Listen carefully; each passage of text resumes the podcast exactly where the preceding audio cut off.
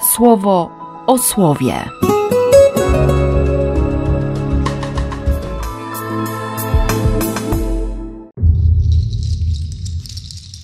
Osiemnasty maja, środa.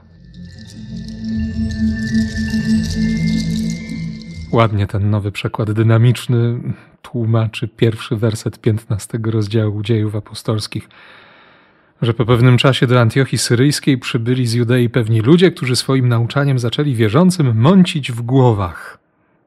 Głosili, że jeśli ktoś nie będzie przestrzegać religijnych rytuałów, szczególnie tych wynikających z żydowskich tradycji, a więc na przykład nie będzie się poddawał obrzędom takim jak obrzezanie, nie zostanie zbawiony.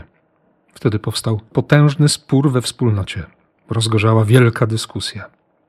I postanowieniem było wysłanie Pawła, Barnaby i kilku zaufanych braci do apostołów i do zwierzchników w Jerozolimie, żeby spór rozstrzygnąć.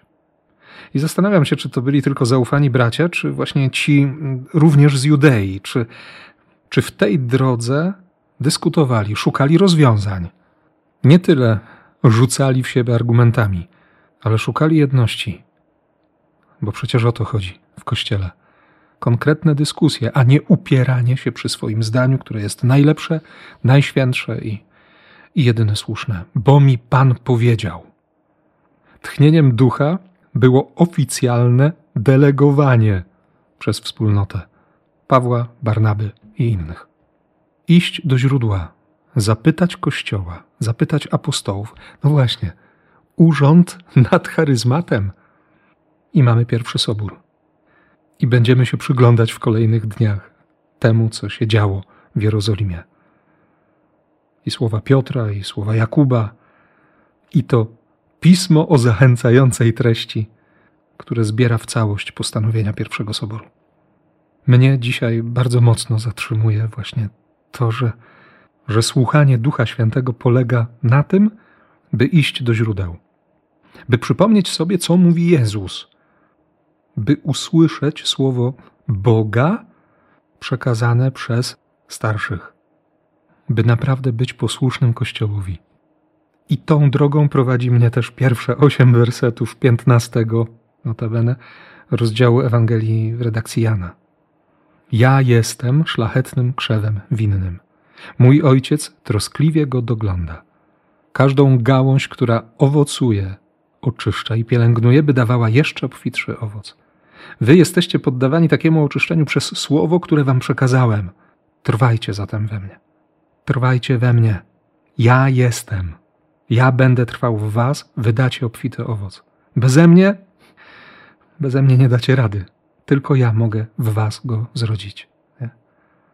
Jeśli moje słowo będzie trwało w was, proście o cokolwiek zgodnego z wolą Ojca, to wam się stanie.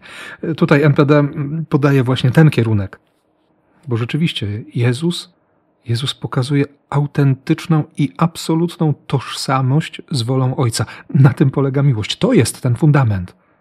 On nie szuka siebie, i o tym mówi też kilka razy, nie szuka własnej woli, ale odkrywa nieustannie, jako człowiek konfrontuje pragnienia Boga ze swoimi i jest w tym tożsamy. Taka miłość. No, konkretne zadanie przed nami. Spora praca. Dlatego ojciec daje słowo, które oczyszcza. Czasami coś zedrze, czasami obnaży, czasami jest bardzo bolesne, ale dlatego, że kocha. I nie przestanie, nie przestanie kochać. Bogu niech będą dzięki za, za tę miłość.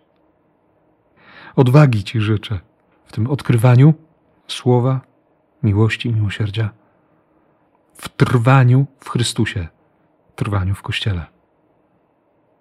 I błogosławię w imię Ojca i Syna i Ducha Świętego. Amen. Słowo o słowie.